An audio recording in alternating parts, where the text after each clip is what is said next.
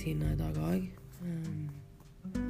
hvor jeg vil uh, Har veldig lyst til i hvert fall å gå gjennom uh, og ta videre podkasten fra forrige uke, som handla om uh, barnevernskritikere og barnevernshatere.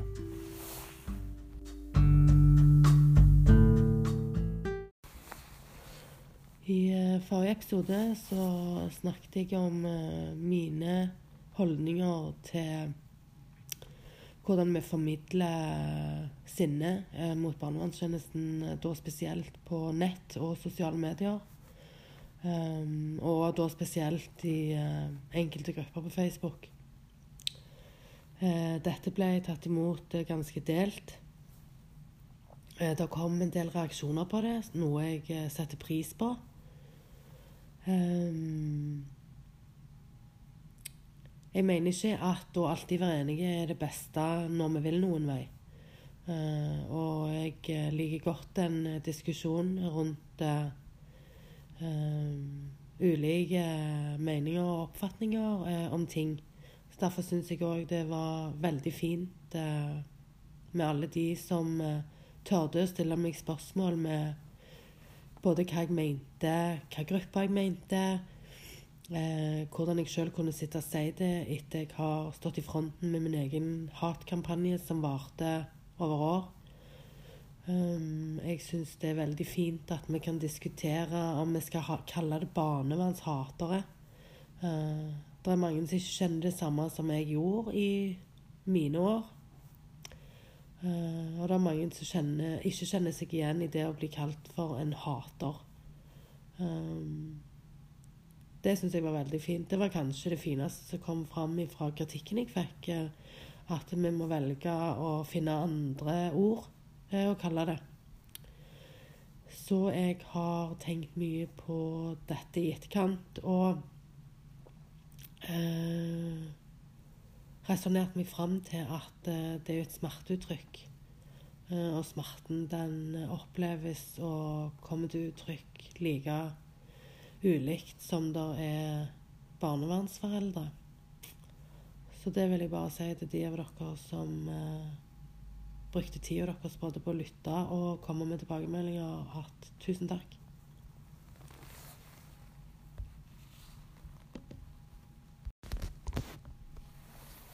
I ly av Samnanger-saken så har det eh, skjedd mange ting eh, i forhold til dette med grupperinger, og jeg syns eh, min personlige opplevelse er at eh, vi barnevernsforeldre har funnet en mye bedre måte å formidle vår kritikk på.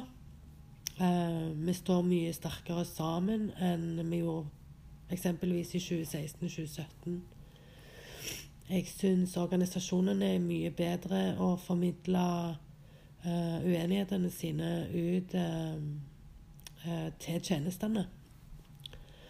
og så er jeg ekstremt uh, overraska og gjerne ikke skuffa, men uh, sjokka over måten flere barnevernsansatte og barnevernsledere håndterer det som skjer i Samnanger. for nå er det dere som grupperer dere. Og nå er det dere som eh, ytrer deres frustrasjon eh, på sosiale medier og i grupper, da spesielt på Facebook. Eh, på en måte så kunne jeg tenkt at ja, nå ser dere hvordan vi har hatt det. Eh, og på en måte så tenker jeg nok det litt av og til òg. Eh, for nå er det dere som blir hengt ut. Eh, nå er det dere som blir kritisert. nå er det dere som må rydde opp i rotet deres. Eh, og ta konsekvensene av den dårlige jobben som er blitt gjort. Um, og så gjør dere det på en uh, utrolig dårlig måte. Ikke alle, for all del, men flere.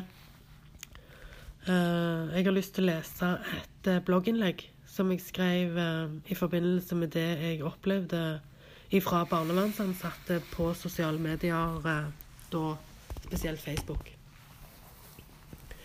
Jeg har kalt eh, blogginnlegget mitt eh, 'Det skjer nå', og du må bare akseptere det.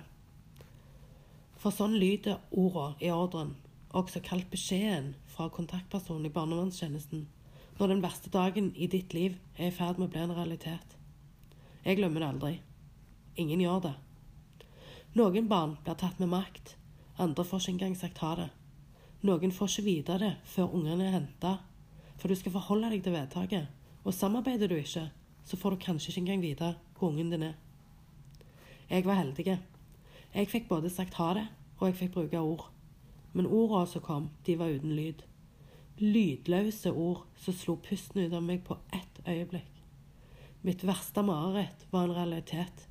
Og du, du hadde ikke engang anstendighet nok til å si det til meg. Fortjente jeg det ikke? Hva tenkte du når du trykte 'send' ordene dine kom til meg via en tekstmelding? Mens jeg sto i svømmehallen med de fineste små menneskene på jord, så tikket han inn. Det tok ca. fem minutter å begripe, lese og forstå.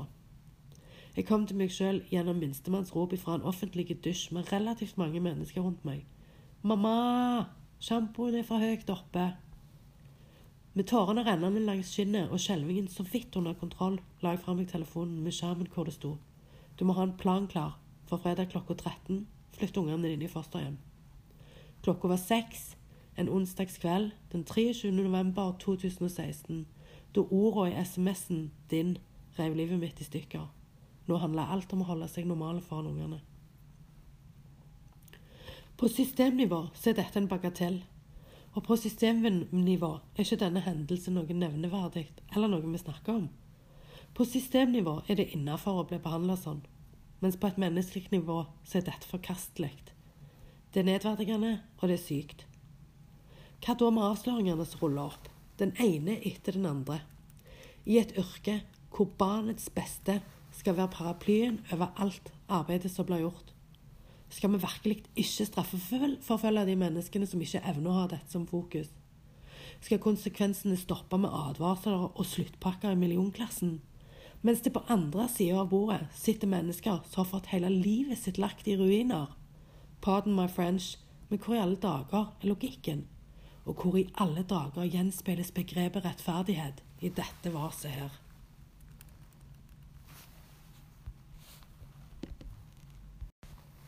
En klok mann sa en gang til meg, Tina, du kan lære ganske mye av mistakene dine når du slutter å benekte dem.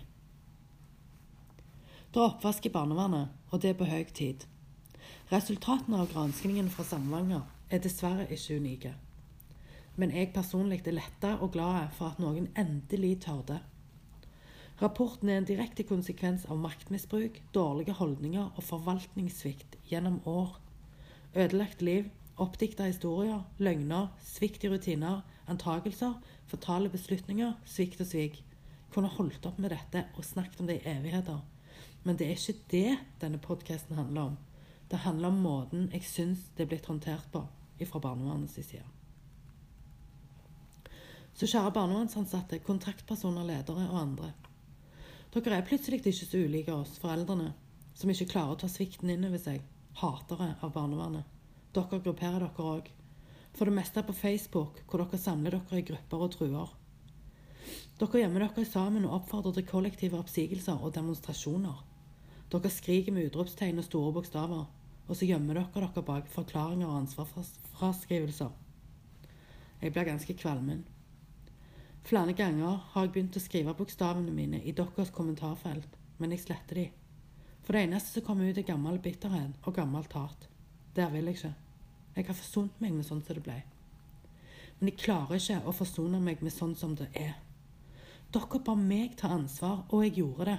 Og nå tenker jeg det er på tide at dere gjør det samme. Eller er ansvaret noe som bare tas på den ene sida av bordet? Er det bare vi foreldre som skal ta det, som i stort sett alt annet som involveres i en barnevernssak? Jeg er nesten i sjokk, for det er ikke deres feil. Ingen av dere er villige til å se innover. Dere peker utover stort sett alle sammen. Og imens den ene fingeren peker utover, er dere fullstendig blinde for de andre tre som priker rett tilbake på dere sjøl. Hvorfor er det så vanskelig å være ydmyke? Og hvorfor er det så vanskelig å si unnskyld? Hvorfor er det så innmari komplekst for deres fagfelt? Ingenting er så komplekst at det ikke kan endres, og at det ikke kan forbedres. Dere med det overordnede ansvaret mener svikten skyldes dårlig politikk og dårlige rammevilkår, og ikke god nok kompetanse. Men da burde du sagt ifra. Du burde hatt guts nok til å si fra om svikten. Si fra om maktmisbruket, om løgnene og om livet som ble ødelagt, som muligens gikk tapt. Om svikten og om sviket, innad i ditt eget system. Et system som er bygd opp for å beskytte, ikke noen, men alle. Et system som det viser seg at ødelegger liv som muligens aldri noensinne igjen kan repareres. Vi debatterer og vi snakker om barnevernshaterne. Hvor vanskelig og komplekst også dette er. Taushetsplikt og barnets beste. Hvordan dere ikke kan uttale dere om enkeltsaker. Fair enough.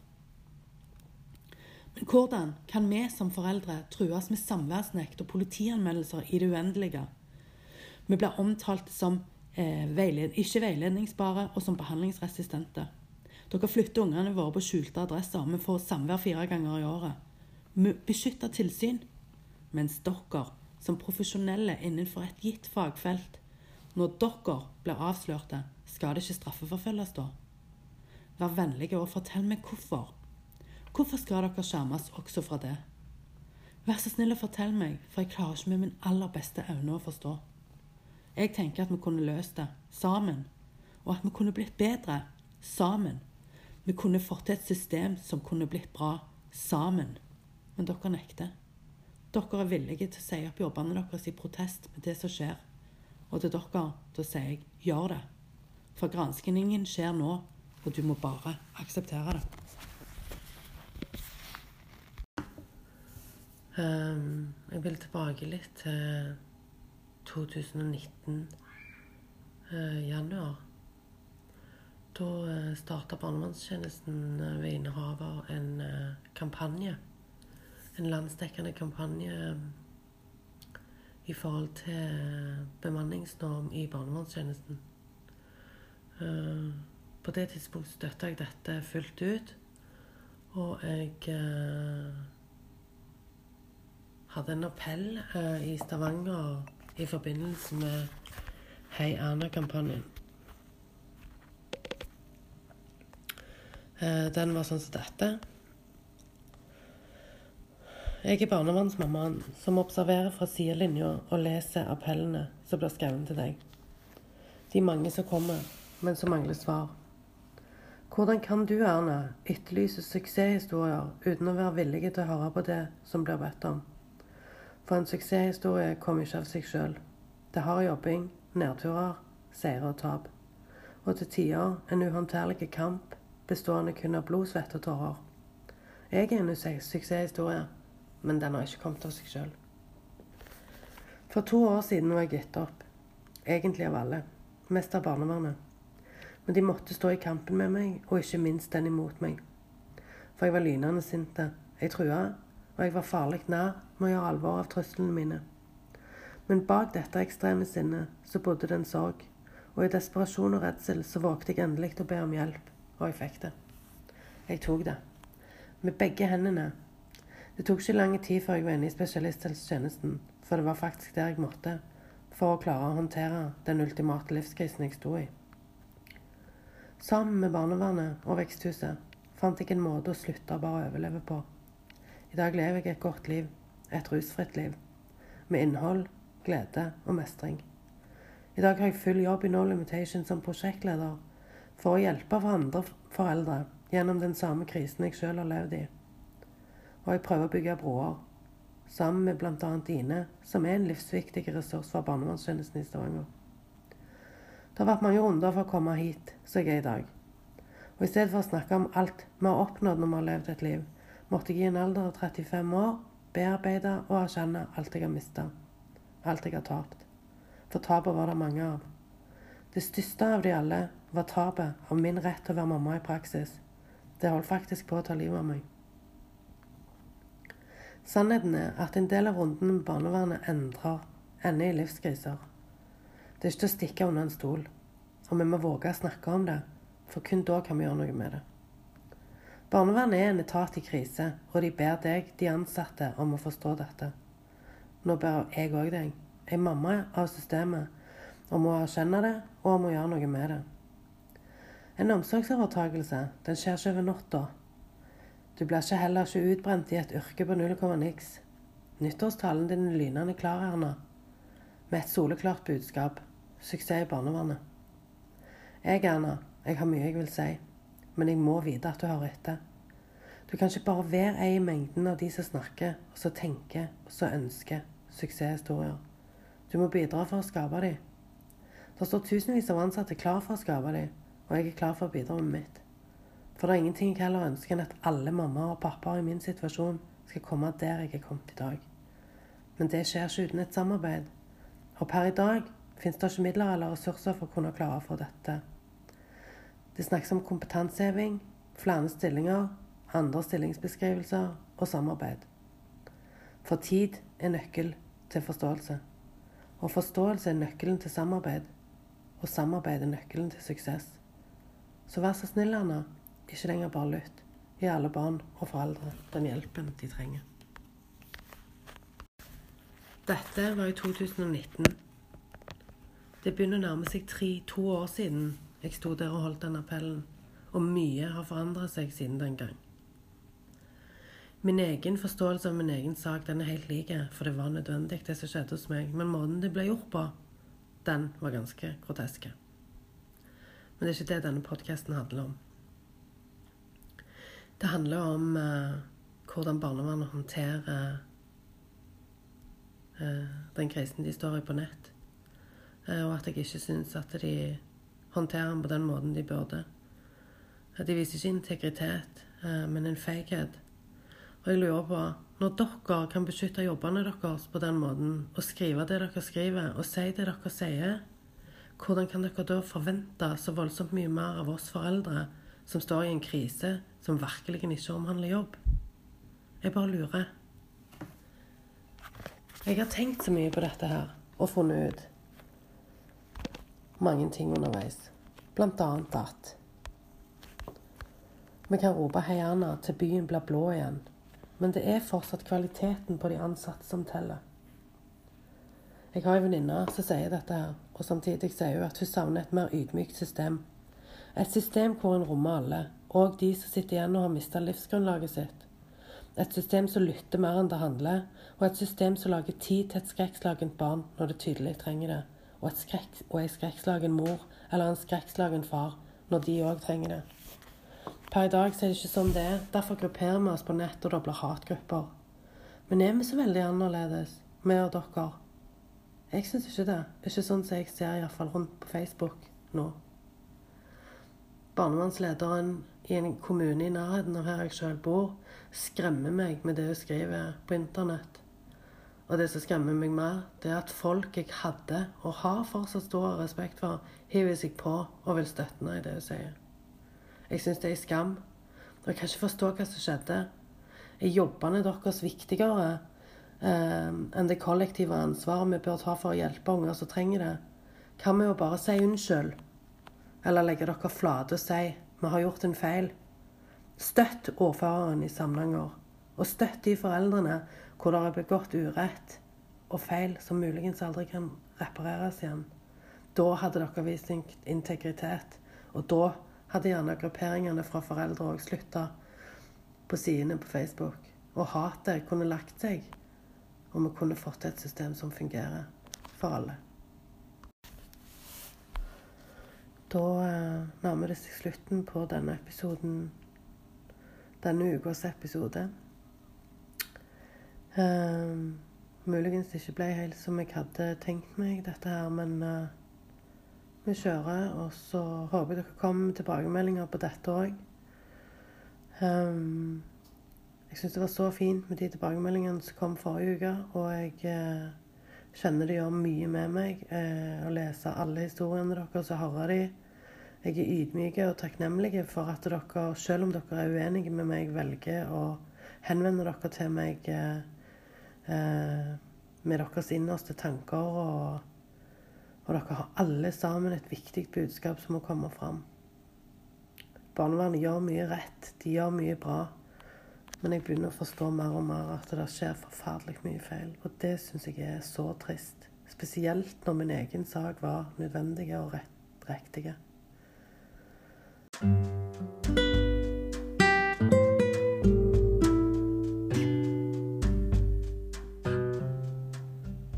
Jeg bare si tusen takk for meg. Eh, Jeg håper neste uke at dere skal få henge med noen andre i styret, men det er ikke helt avklart. Eh, hvis ikke så blir det meg igjen. Og da tenkte jeg eh, jeg ville snakke om dette her å treffe en ny partner med barn under offentlig omsorg. Hvordan er det, og hvordan går vi fram? Tør vi være ærlige? Ja. Mange av de tingene som følger med. Så da sier jeg nok en gang tusen takk for dere gadd å høre på meg. Så snakkes vi neste mandag til samme tid. Ha en fin kveld.